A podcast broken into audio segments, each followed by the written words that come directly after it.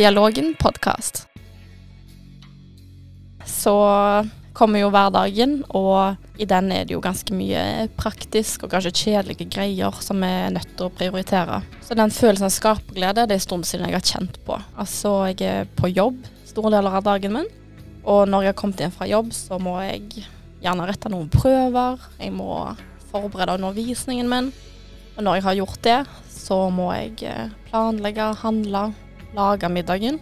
Kanskje hive på en maskin klær og rydde kjøkkenet. Må, må, må. Så når jeg da endelig har kryssa ut denne lista mi, og jeg kan bruke tid på de tingene som jeg faktisk har lyst til å gjøre, så har det blitt så seint, og jeg er så trøtt at jeg bare dumper ned i sofaen min. Og der sitter jeg fram til det er på tide å gå og legge seg. Og dette her får jeg så dårlig samvittighet av, fordi jeg tenker på alt det andre som jeg kunne gjort istedenfor. Det er heller ikke sånn at det er sånn som dette her hver dag, men allikevel så tror jeg at det er ganske mange som kjenner seg igjen i denne hverdagen her. Og det er selvfølgelig ikke meningen å være negative, men jeg skal komme til poenget mitt nå. Denne podkasten her er et eh, prosjekt som motiverer meg enormt. Jeg gleder meg, og den gjør meg òg veldig nervøs. Altså, det er en salig blanding av følelser. Podkasten gir meg skaperglede, og jeg kjenner på en sånn utforskertrang som jeg ikke klarer å oppsøke ellers i hverdagen. Jeg er i grunnen en ganske kreativ person av meg. Jeg har gått på teaterskole, jeg har gått på kunstskole. Men uh, kreativiteten min den har blitt begravd av akademia og tunge bøker om lingvistikk, morfologi og svarabakti-vokaler. Og det var akkurat dette som gjorde at jeg måtte hoppe ut av podkasten i fjor. Jeg innså at uh, jeg har ikke nok drivstoff i meg til å kjøre på med både podkast og master. Anne Liv, både Colin Pann og jeg gikk en tur i duskregnet i januar. Anne Liv spurte meg om uh, jeg ikke kunne tenkt meg å å vært med på podkasten igjen. Og det var egentlig ingenting å vurdere. Jeg bestemte meg for å trosse hverdagen og bare hoppe inn igjen. Og nå sitter jeg her en lørdagskveld og skaper en tekst om skaperglede. Podkasten klarer oss å pirke i denne kreative nerven min, og jeg har så godt av det. Velkommen til ny episode av Dialogen podkast. I dag så skal det handle om skaperglede. Vi har satt litt fokus på det til å begynne med, med å se på Susanne sin skaperglede. Knytta. Og mangel på skaperglede. Det går opp og ned. Men det er jo ofte det med kreative prosesser. Og i dag så skal Vi se, altså vi har hatt en episode tidligere om kreativitet. Da hadde vi Sara Hestnes med oss. Eh, men i dag, så i dag tar vi det litt videre, for dette eh, i uh, Udir, i den nye læreplanen, hos Udir i den nye læreplanen, så har de sagt at uh, elever skal kjenne på skaperglede.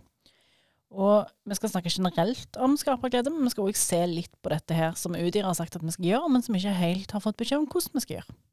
Og da er vi heldige vi å ha fått med oss eh, Siri Hauge Solbakken. For hvis du googler nå skaperglede, så er det hennes navn som dukker opp.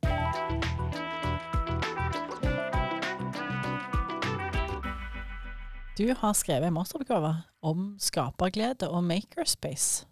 Kan du beskrive oppgaven din? Ja, nei, det var vel egentlig i løpet av masteren så var jeg eh, prøvde jeg å skulle lage noe, og så fikk jeg det ikke til. Eh, og så, når du blir frustrert, da, så er det jo da du kommer på nye løsninger. Så da husket jeg at jeg kanskje kunne få hjelp i noe som heter et skaperverksted. Og det var på Vitenfabrikken i Sandnes. Og så gikk jeg der, og så var det veldig enkelt å gjøre det som jeg hadde prøvd å gjøre hjemme i garasjen, da. Ja, stemmer. Så da fikk jeg en sånn utrolig sånn lykkefølelse av bare 'Å, herre min, dette fikk jeg jo til!' Med hjelp av skaperverksted. For det var, var det kryssfinerer du holdt på med? Ja. Blader og skulle skjære og mønster og mm, Jeg holdt på med håndsag og skulle lage noen former i kryssfiner. Og så oppdaget jeg da laserkutteren på Vitenfabrikken i Sandnes. som jeg bare kunne lage det som jeg kan fra før, da, lage digitale filer og så få de skåret ut i kryssfiner. Det var jo helt fantastisk. Sånt magiske ja. forhold. Eh, men sånne makerspace er det mye av det. For det uh, eneste gangen jeg har vært borti det, er Ikea ga ut tegninger til biohotell. Ja. Og da sa de finn et makerspace og gå der og få det gjort. Og da satt jeg bare klødde meg i hodet og tenkte hva er det for noe? Hva er det? Ja, det har ikke vært så mange, men det er på vei opp nå. Mm. Eh, og det er et prosjekt på Universitetet i Sørøst-Norge som eh, et forskningsprosjekt hvor de jobber med hvordan de skal få skoler opp og gå på Makerspace òg. Men foreløpig så ligger det i biblioteker, vitenfabrikker. ja. Ja, for biblioteket i Stavanger har noe Der kan du brodere på klær, tror jeg, og det er noen buttons du kan lage. Stemmer. Ja. Ja. Vinylkutting har de, vet Ja. jeg. Ja. Og så er det Vitenfabrikken i Sandnes. Eh, Det er vel de to åpne makerspaces er. Og så Ja. har jo Vågen videregående skole veldig bra makerspace Spennende. på biblioteket. Ja. Eh, for det du har sett på er, er skaperglede. Det står der en del om nå i, hos UDIR, i de nye læreplanene. Så skal eh, elevene oppleve skaperglede gjennom skolen. Ja. Det står vel, hvis jeg får lov å rette på, så står det at de skal utfolde skaperglede. Så de skal ikke bare oppleve det, men de skal på en måte Utvikle og Ja, oppleve utfolde og, og- utfol- ja. ja, erfare det. Da tenker jeg at det betyr Ja. Jeg googla litt, og da fant jeg ikke mange resultater på skaperglede. Nei. Og det var det som inspirerte meg til å skrive den masteren òg. For det, eh, UDIR har jo ikke definert hva er det da. Nei. Hvordan utfolder vi skaperglede med elevene? Så det var Det er ingen definisjon, så jeg har funnet ingen bøker som skrev om det. Og, så det var det som var tanken med masteren, da. For et forsøk på å finne ut hva det egentlig betyr. Ja. ja, for det er jo greit å vite hva det er for noe før en Skal i gang med å gjøre det. Ja. Mm. Eh, så kan du definere det? Hva vil du si er skaperglede? Ja, altså Det er jo den eh, opplevelsen av eh, å få til noe, og kanskje òg etter du har vært gjennom en liten sånn bump i veien, da, noe litt vanskelig, og så den Ja. opplevelsen av åh, herlighet, jeg har se på dette som jeg har skapt. Og Må det være et produkt, da? Eller? må det det? Eller hva er et produkt, egentlig? Ja, nei, jeg bare er- usikker som lærer sjøl. Ja, nei, for det kan jo handle om å skape en god tekst, eller det kan jo en god opplevelse. Ja, det er jo mye vi kan skape. ja. Og så er det knytta opp til kreativitet, har jeg funnet ut da. At det, det er nært knytta, men mange syns jo det er et litt sånn slitt begrep, da. ja. Så Ja, for kreativitet har vi jo funnet, hatt mye i tekster når jeg snakker som norsklærer nå. Så er, det, så er det mye av det. Og da har det jo mange som har klødd seg i hodet, for at et av vurderingskriteriene er at de har vist kreativitet i teksten. ja, og hva er det, da? Hvis du skal skrive en artikkel, så er det OK, hvor kommer kreativiteten din? Ja. Og i hvert fall elevene lurer jo på det. Hvor Ja. kreative kan du være hvis du skriver en artikkel om andre verdenskrig? ja. Og hva er kreativitet? Stemmer. Tekst, eller mm. Ikke enkle spørsmål dette eller, eller svar. Nei, nei, det er ikke det. Du har bakgrunn sjøl som innenfor grafisk design og illustratør. Ja, ikke illustrasjon faktisk, men grafisk design Ja. har jeg en bachelor i. Og så har jeg jobba som grafisk designer i reklamebransjen. Mm. Er dette noe som da på en måte ligger som grunnlag for eh, den masteren du har skrevet?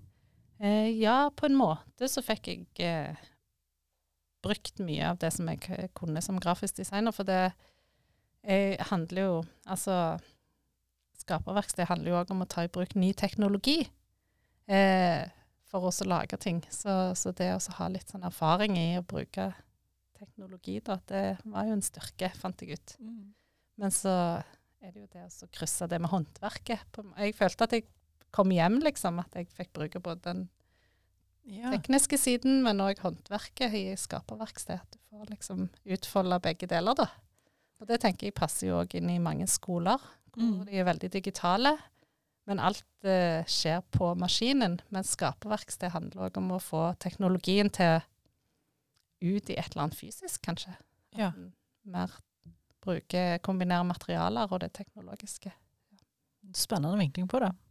Da, da ble masteroppgaven det ble babyen din? Liksom det, Ja, det. Satt du igjen med skaperglede etter å ha lagd den? Eh, ja, på en måte så gjorde jeg det. Altså, det var mye frustrasjon underveis, for det, det, det er jo en krevende jobb å skrive en master, og så er det jo en kunst- og håndverksmaster. Så det, tanken når jeg gikk inn i det løpet, var jo at jeg skulle få masse tid til å skape. Men så er det jo enormt mye akademisk skriving og, og undersøking i tillegg. Ja. Men jeg syns jo det òg var kjekt. Ja, det er jo en del teori som skal hentes inn i forkant. Mm. Hvordan var det, da? Altså Med tanke på at skaperglede er udefinert fra UDIRs side, og Ja, så da knytta jeg meg eh, opp til en som hadde skrevet en del om kreativitet og undervisning og læring, da. Og så brukte mye av hans eh, ja, teorier, da. Ja. Eh, og så gikk jeg jo ut og observerte elever i skaperverksted, for jeg knytta jo skaperglede opp til skaperverksted. Eh, og så snakket jeg med eh, både lærere og andre som jobbet i skaperverksted, og intervjua de. Og så var det jo det å jobbe med mitt eget skapende arbeid i skaperverksted. så jeg prøvde å se det på forskjellige vinkler, da. Ja, spennende. Og da får du òg en tverrfaglighet nærmest i det, i og med at du må Mm. Ja, og den masteren er jo òg tredelt mellom egenskapende arbeid Ja. eh, og teori og pedagogikk, eller Spennende. didaktikk. da. Mm. Stilig. Ja. Eh, hvorfor er skaperglede viktig for deg?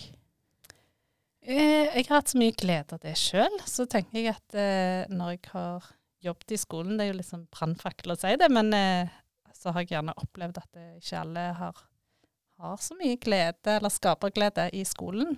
Og så har jeg hatt, eh, vært nysgjerrig på hvordan kan vi legge til rette for å få enda mer av det. For det er jo det som driver utvikling videre, tenker jeg. Det er det som får oss til å lage nye Ja. ting. Som, Det er jo det vi vil vekke i elevene. Og Mm. så er det ofte den karakteren som på en måte sitter igjen som deres resultat, Ja. som er ganske in- intetsigende for de. ja, det er det. Så det. Men hvor tror du at det kreative behovet kommer fra, da? Ja, jeg tror jo vi alle har det i oss i større eller mindre grad. Det er jo det som har drevet menneskelig utvikling, er det ikke det? At vi har behov for å skape. Og er nysgjerrige og utforskende. Og, Ja. men eh, mor har jo alltid lagt ting. Hun har aldri sittet i ro, men alltid brukt hendene.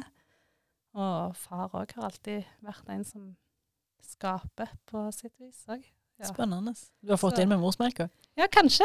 Satt, det det var det jeg gjorde. Vi hadde jo ikke telefoner og iPader, så Nei. jeg satt jo med den tegneblokka. Ja.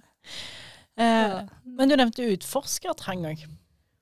Ja. Kan du si noe om det? Hva er det for noe? Ja, altså det er jo òg en del av den eh, overordna delen i den nye læreplanen. Det med utforskertrang eller nysgjerrighet. Og det tenker jeg det henger jo litt sammen med skaperglede. Altså at du må jo være litt nysgjerrig på å finne ut hvordan skal jeg få til dette. Det er jo litt sånn problemløsning ofte, Ja. opplever jeg.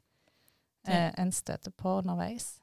Det å prøve å søke forskjellige muligheter, da. Hvordan jeg kan få til dette. Så det er Nå begynner vi å se hva slags generasjon unger vi skal det, oppdra her, eller oppfostre. Det er jo unger som uh, senere ikke helt vet hva de går til, og hvordan verden ser ut, og være åpen for det meste og finne egne løsninger. Ja, og det er jo det Men det er jo det arbeidslivet trenger. Ja. Faktisk. Det er jo Ja. det de skriker etter, for det at maskinene kan jo gjøre det meste for oss nå for tida, men ingen maskiner kan se etter nye løsninger, eller finne andre måter å gjøre det på. Du må ha den kreativiteten som bygger maskinen Ja. først. Mm. Stemmer. Så, så det er jo et behov der ute. Og Ja. det er vel derfor vi noen prøver å legge til rette for det i skolen òg. Mm. Ja, interessant egentlig. Ja. Eh, finner du skaperglede i hverdagen sjøl? Eh, ja, jeg gjør jo det. Både i jobben med å finne nye måter å gjøre ting på, nye opplegg, nye Mm. måter å skape skaperglede hos andre på. Og så er det ikke alltid jeg har så mye tid, men jeg putler jo med mine små Ja. ting. Jeg har drevet og lagd en eh, planlegger, så der får jeg jo utfolde litt skaperglede. Ja, den planleggeren den tror jeg du har ute på Instagram. Mm. Vi har lov å reklamere nok til at vi sier at eh, hva, hva, Hvordan finner man hvis folk er nysgjerrige nå? Ja, nei, du går på uh, alfakrøll, er det det vi sier? Ukeplanlegger. Ja, Så dukker den opp. Mm, Spennende. Så hvis folk er nysgjerrige, så kan de gå der og lete litt. Yeah. Hvordan gjør vi dette her i praksis? Altså, Jeg har jo veldig teoritunge fag. Ja. Hvordan får vi liksom utforskertrang og kreativitet og skaperglede inn i skolen? ja. Altså, nå har jo jeg veldig praktiske fag, så jeg opplever jo at det er ganske lett. Eh, og, og det som jeg er mest opptatt av, er at eh, hvordan kan vi få For de jobber jo så veldig mye digitalt nå. De skriver alle tekster på PC, og de undersøker på PC. Alt skjer gjennom den maskinen. Så jeg prøver alltid å tenke i alt jeg gjør, at hvordan kan vi ta det ut i en eller annen form? Om det er lage en plakat, eller lage en bok, eller trykke noe på ei T-skjorte, eller hvordan kan vi realisere dette ut i noe fysisk? Ja. Eller om det er til slutt, eller om det er i starten. Hvordan kan vi jobbe eh, kreativt på papir eller med andre midler enn bare PC? Men,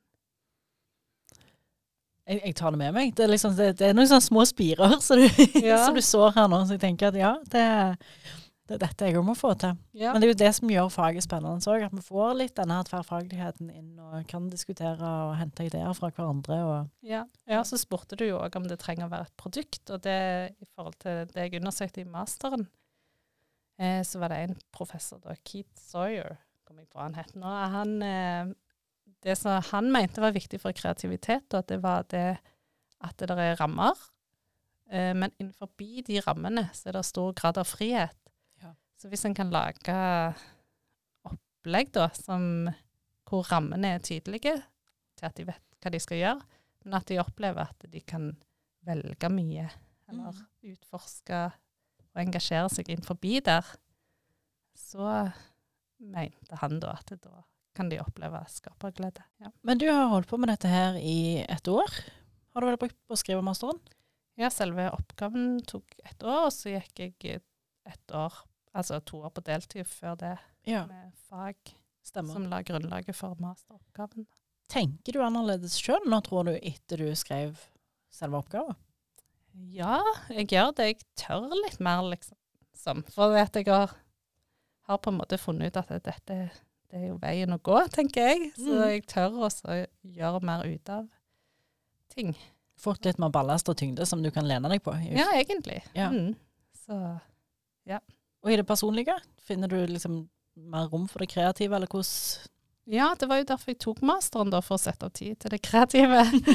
så nå, akkurat nå så planlegger jeg å finne mer tid, men jeg syns ikke jeg har nok tid til det i hverdagen. Nei, det blir lite av det. Mm. Men eh, vi, vi snakket om det i, i forkant av mens vi har drevet planlagt denne her episoden. Du kan jo finne skaperglede i det meste. Altså om du lager en middag du ikke har lagd før, eller ei kake, eller Absolutt. ja, Ja. ommøblering i huset. Altså, en finner det jo i mange områder og plasser. Mm. Og en trenger ikke mye tid til det heller. Altså. Det går an å så bare sette klokka på 20 minutter og tegne noen streker på et ark. Altså Ja. omtrent. Eller lage noe, bake noe. Ja, et eller annet. Et eller annet som gir noe. Ja.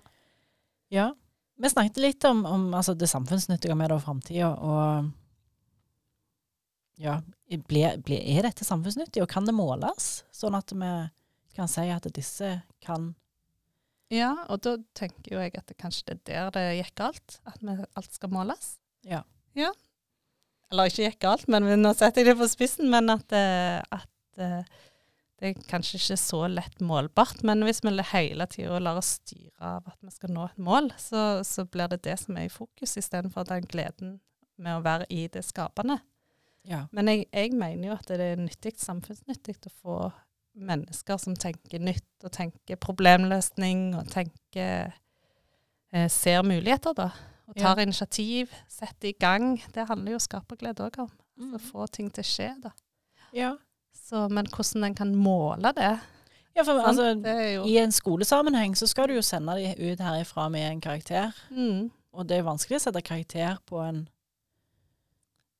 altså, initiativrik eller kreativitet i prosesser, eller Ja, er det det?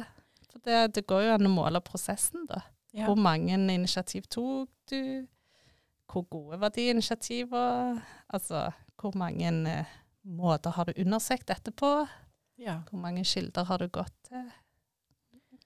Og så snakker du om at det ikke bare er produktet, men prosessen òg, som er kanskje vel så verdifulle. Altså at vi må Det er reisen det handler om, det er jo ikke, det er Ja. ikke målet. Ja.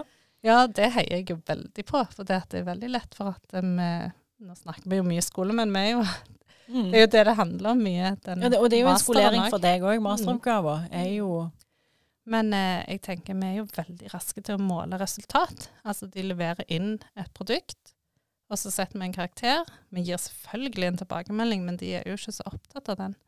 Så det å så heller eh, Og nye læreplanene i mine fag iallfall legger òg opp til det at, det at en heller skal måle at de har prøvd, at de har undersøkt, at de har reflektert. Altså det betyr jo vel egentlig at de tar vår tilbakemelding Ja. og gjør noe med det.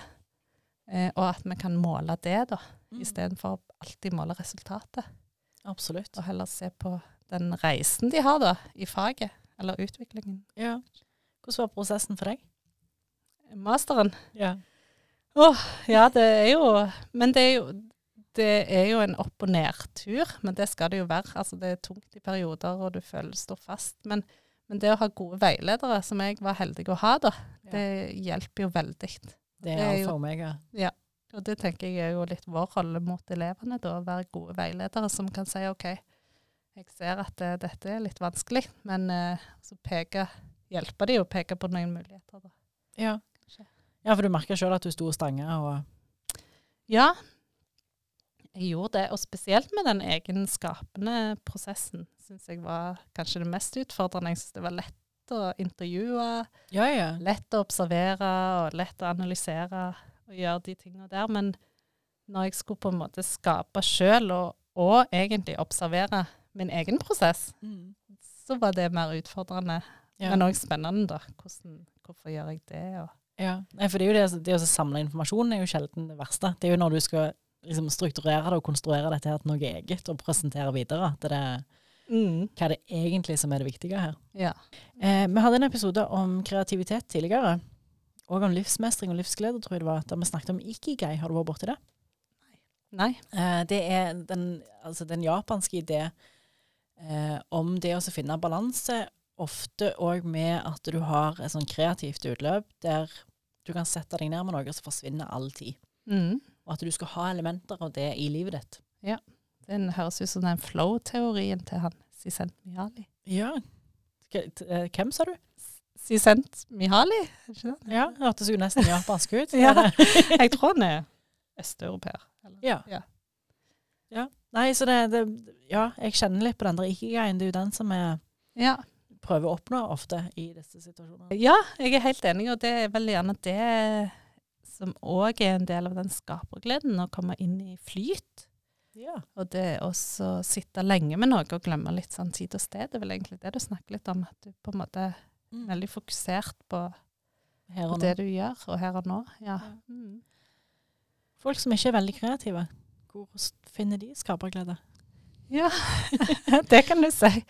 Men eh, eh, tilbake til opphavet. Altså, mor har alltid sagt at hun ikke er kreativ. Hun ikke opplever seg sjøl som det. Hun har alltid drevet med håndverk. Så jeg tenker det er òg en måte å finne skaperglede på, selv om du strikker etter en oppskrift. Ja, ja. Så, så gjør du jo noe med det, det å få de der hendene i gang, kanskje. Sant? ja. Men du sitter jo igjen med et ferdig produkt som du, du kjenner jo definitivt på en skaperglede etterpå. Jeg Å tror Å holde det. opp en ferdig genser og si at den Ja. har jeg lagd. Mm. Og så hvis man kan si at kreativitet skal ha et element av noe nytt i seg, Mm. så har du jo kanskje ikke det når du følger en oppskrift, men det har jo en element av skaperglede likevel. For du har jo produsert noe. Ja. Ja. Og ofte kommer vel òg da kanskje kreativiteten med å produsere sånne ting. For hvis du skal gjøre det igjen, så tenker du kanskje at eh, jeg har lyst på den fargen istedenfor, eller har lyst til å heller gjøre det sånn. Og dermed så har du plutselig elementer av ditt eget personlige Og det, det har jeg òg veldig tro på, at eh, for å kunne være skapende, eh, iallfall innenfor et håndverk, og det kan jo være hva som helst, om det er tekst, eller om det er noen produkter vi lager, eller eh, Så det å ha god kompetanse eller, i håndverket, da, Mm. det øker jo på en måte muligheten for å være kreativ. Ja. Og det viser seg innenfor all slags områder òg. Jo mer kunnskap eller kompetanse du har, jo mer eh, ressurser har du til å være kreativ og nytenkende innenfor ditt fag. da. ja. Det gjelder jo egentlig litt det. Ja, for det, det gir jo mestringsfølelse. Du bygger deg opp. Det, Og du ser muligheter på en helt annen måte når du kan mye om noe, enn du gjør hvis du ikke har peiling. ja, På ja, for eksempel, hvis det var det. Eller det er jo sjelden Mm. noen produserer akkurat det samme om igjen om igjen. om igjen, om igjen. Da er Mm. vi jo inne på Samlebånd. samlebåndstankegang. Ja. Så en av de tingene som vi lærte av Siri nå, det er jo at det, det er jo ikke et kriterium, eller i det hele tatt nødvendig, at vi trenger et fysisk skaperverksted for å kunne kjenne på denne skapergleden. Så det vi har gjort, er jo vi har jo hørt med panelet vårt denne uka her så skal dere få høre ifra Stig Tornes, Elise Hestnes, Roa Åkerlund og Mari Ravndal om når de sist kjente på skapergleden, og hva det var de skapte. Så har jeg jo musikk som interesse, og det jobber jeg jo med hver uke. Så det skrives og lages en del musikk. Så det er vel det jeg kommer på som var sist. Det å skrive låter, musikk og tekst, melodi, alt. Sånne ting. Veldig kjekt. Jeg liker veldig godt å lage ting sånn generelt. Jeg. Om det er små eller store ting, om det er hobbyprosjekter eller noe helt hverdagslig. Så jeg synes for eksempel, Det varmer meg skikkelig når farmor forteller at hun hele tida går med luen jeg ga til henne til jul. Det er jo en liten ting, det tok ikke lang tid å lage den. Men bare det at hun setter sånn pris på det, gir meg jo mer glede over å lage den. òg. Det vi har fått til på Felt O, er noe av det jeg er stolt av, for å si det sånn. Eh, Å bygge opp ifra For fem år siden så sto vi 30 mann på supporterfeltet. I år håper vi å selge 500 sesongkort.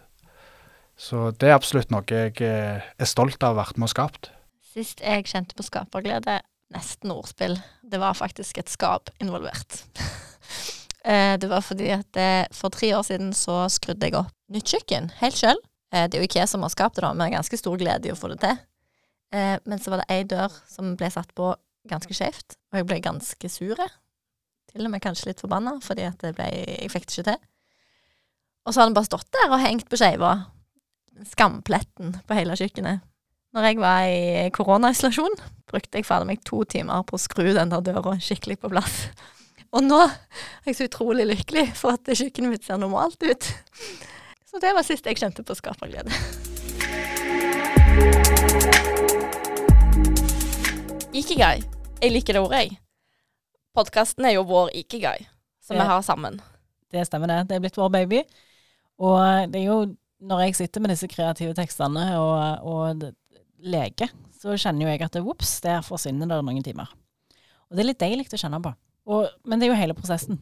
Sånn at eh, ja, det, vi skal Vi står og skaller litt i enden av komfortsonen, f.eks. Både med det å spørre folk om de vil være så snille og dele podkasten vår. Den sitter sykt langt inne hos meg. Sende mail til fremmede folk og si 'hei, jeg har en hobby, kan du være så snill og så bidra litt'? Går det an å si at for å på en måte kjenne på den skapergleden, så må du litt ut av komfortsonen din? Altså du må på en måte utfordre deg sjøl. Jeg snakket jo med Siri om det. altså Hvis du gjentar den samme prosessen om Mm. igjen, om igjen, om igjen, så skaper du jo en trygghet i deg sjøl på det du gjør, og så fortsetter du derifra. Og det er jo litt Mm. sånn som vi har gjort nå òg. Nå lekte vi en del med, med podkasten i fjor, og så skapte vi oss et veldig, et, veldig trygge rammer. Og så begynte spesielt jeg å kjede meg, og si nå må vi gjøre noe mer, vi må gjøre noe annet. Og det er jo det vi gjør nå. Nå, nå lager vi litt sånn eh, kleine cringe-tekster som eh, jeg syns det er litt vanskelig å legge de fram og, og, og si at hey, nå har jeg skrevet dikt. Nei, det, jeg vil ikke kalle det dikt engang. Men, men jeg, vi har det litt gøy, sant? Det, og det er jo Ja. det du det er jo Ja. det vi skal gjøre. Ja, altså vi på en måte kjenner på kreativ kreativiteten. Den må vi liksom finne fram. Og det er jo ikke noe som ofte bare kommer av seg sjøl, sånn helt uten videre. Du må på en måte sparke den litt i gang for å på en måte Ja. Ja. At den skal dukke opp, liksom.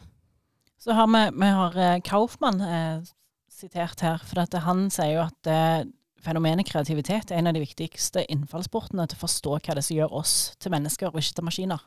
Og det sier jo Siri jo. Ja. Mennesker kan jo lage de her maskinene og systemene, men maskinene kan aldri komme på en ny idé sjøl. Den er det vi som må programmere om. Ja.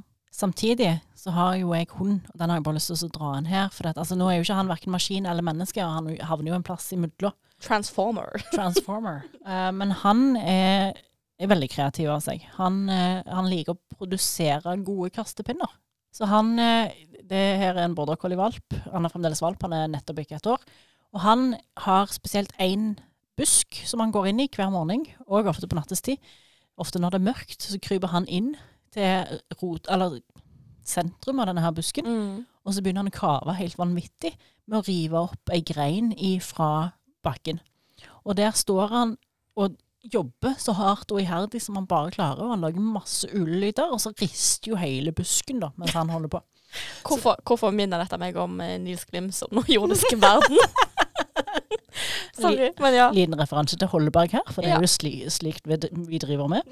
Men eh, da står jo han Det er spesielt gøy på kveldstid, for det har skjedd et par ganger at det har kommet folk forbi. Og da er det litt gøy at hele denne her busken står og rister, mens jeg står på utsida og later som ingenting, og så hører du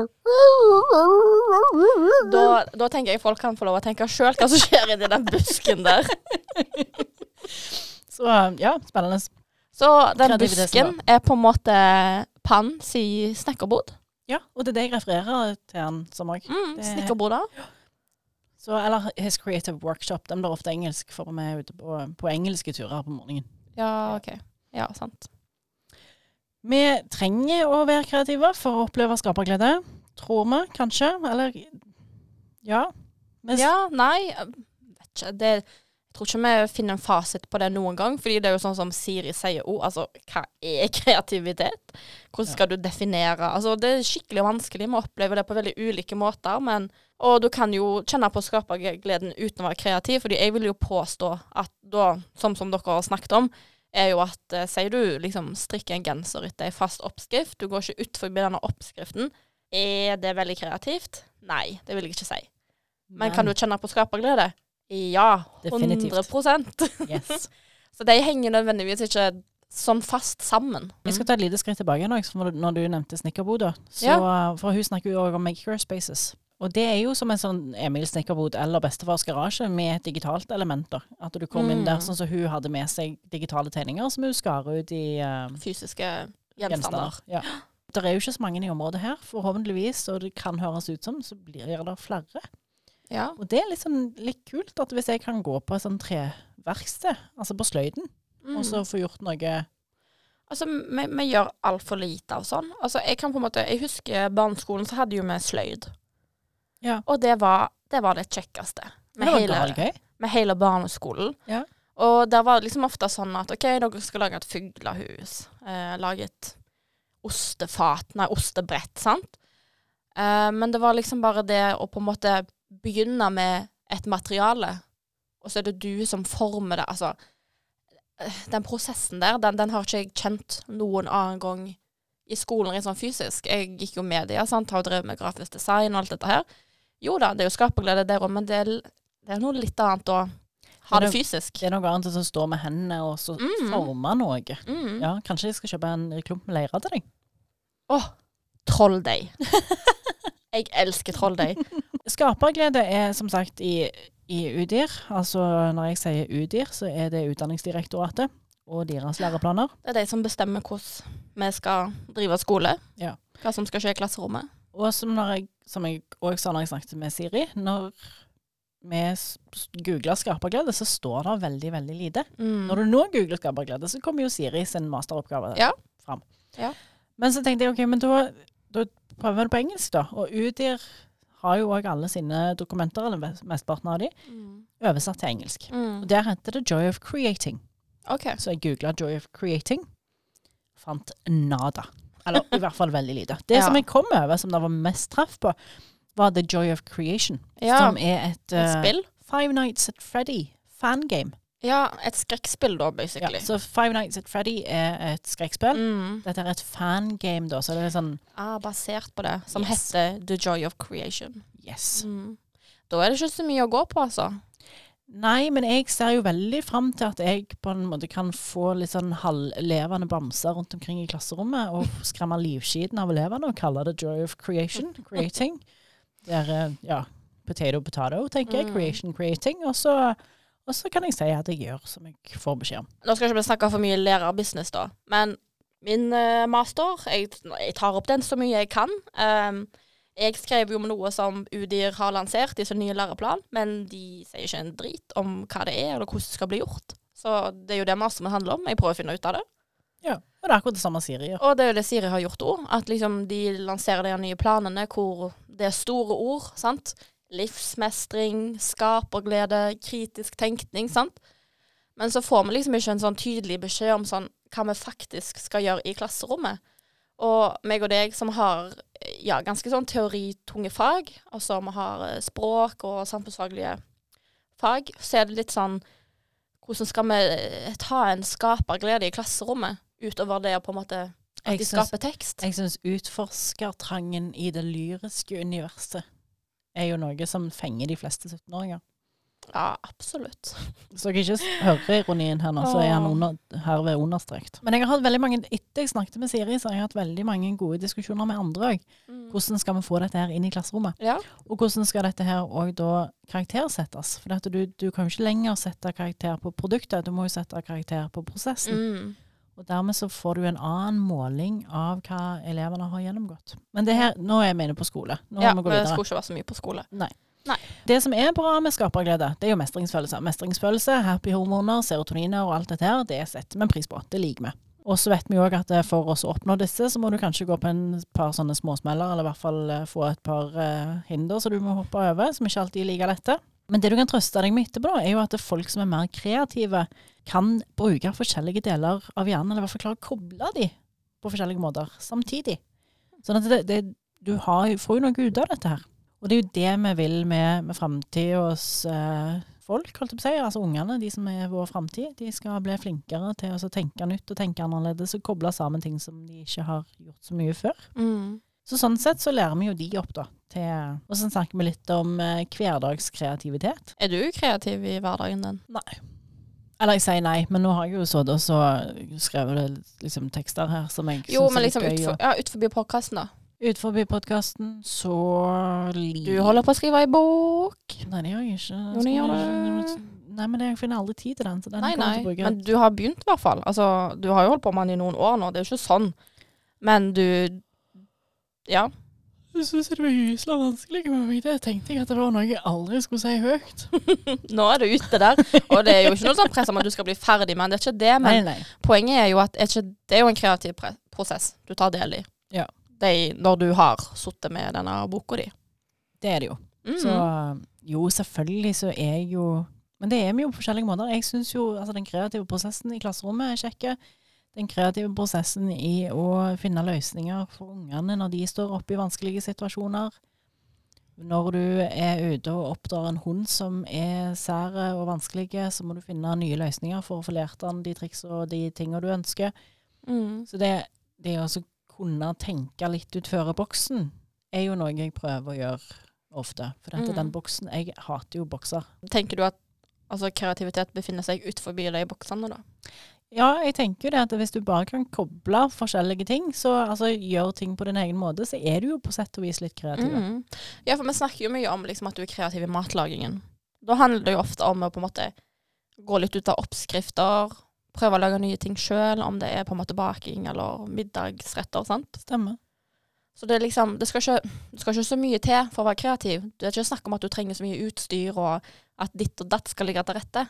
Nei. Du kan på en måte være kreativ i alle rommene i huset ditt. Ja, ja, selvfølgelig. Ja. Og sant, som jeg sa at hun er en ommøblering eller en Ja. altså, det, er- Det gjorde vi jo hos deg for noen uker siden. det er helt riktig. Og der, men der sleit jeg jo. Altså, jeg Ja. sa det at nå jeg trenger altså å komme meg ut av denne her grå massen som jeg føler jeg har gått i veldig lenge. Hjelp Mhm. meg å bare tenke annerledes. Og av og til så sliter jeg jo med det. Og da er det godt å lene seg på noen andre og si hei.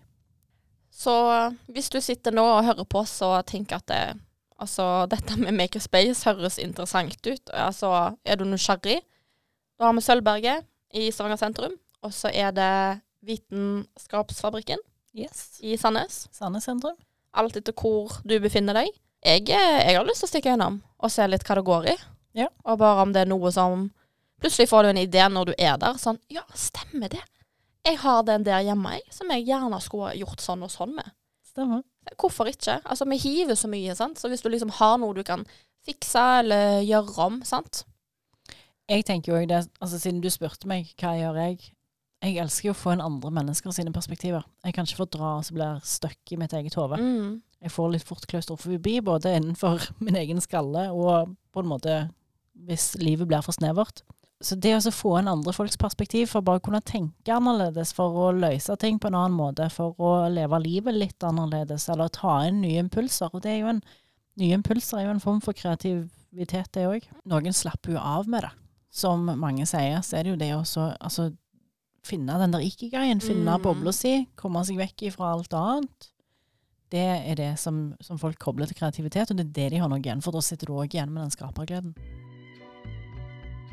Vi vil selvsagt i dag òg si eh, tusen takk til Hetland videregående, som eh, låner oss utstyr som gjør at vi kan spille dette her inn med en eh, lyd som vi kan være fornøyd med. Vi takker så mye til Siri Hauge Solbakken for at hun stiller til intervju. Og tusen takk til Reidar Larsen, som eh, basically er vår podkastmentor. Og panelet, som i dag besto av Stig Tornes, Lisa Hestnes, Roar Åkerlund og Mari Ramdal. Skal vi oppsummere?